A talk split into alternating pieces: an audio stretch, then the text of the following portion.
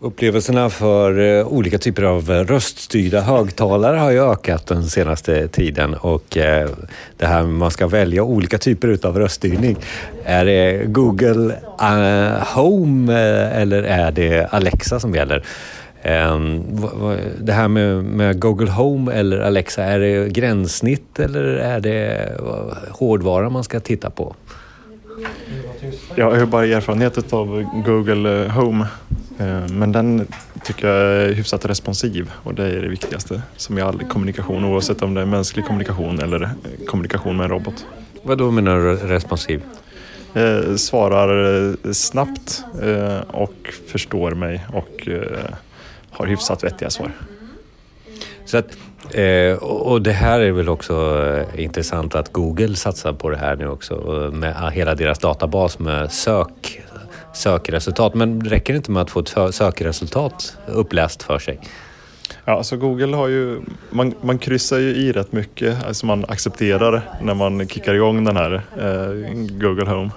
Eh, lite väl mycket. Eh, så att eh, den har ju sparat allt, alla dina sökningar och all din historik på Youtube och du, du ger dem tillgång till Spotify och Netflix och allting. Så du, har ju, du bjuder ju på allt om dig själv personliga integriteten är lite game over. Ja, den har man ju släppt för länge sedan. Men sen så kopplar man också sina devices till det, IoT-grejer som lampor och sådana saker. Det är väl nästa steg? Ja, säkert. Jag har bara kört i min Chromecast eh, än så länge, men eh, det kommer bli resten också sen. Och vad, vad är framtiden? Eh, vad är det som gör att eh, det blir ett regnfall när du kommer hem eh, eller ett ljud som förstärker din verklighet på något sätt? Jag tror att USPen är att, eh, att kunna eh, beställa vad du vill, när du vill och att det kommer levererat hem till dig.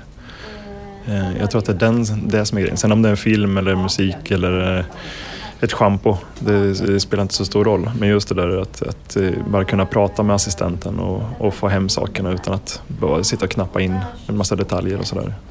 Och sen som sista del tror jag nog att du ska prata naturligt med den och inte hackat som det är just nu. Ja, absolut. Och det, jag tänkte redan på det, det första man gör är att man övar in sin OK Google eller Hi Google. Jag funderar på vad, vad händer om man säger Tjena knäppjök liksom. Eller något annat. Fångar den det också?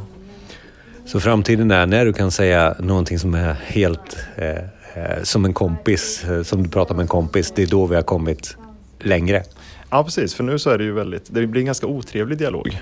För du, du säger åt hela tiden assistenten vad den ska göra och du säger aldrig tack för för det där den gör.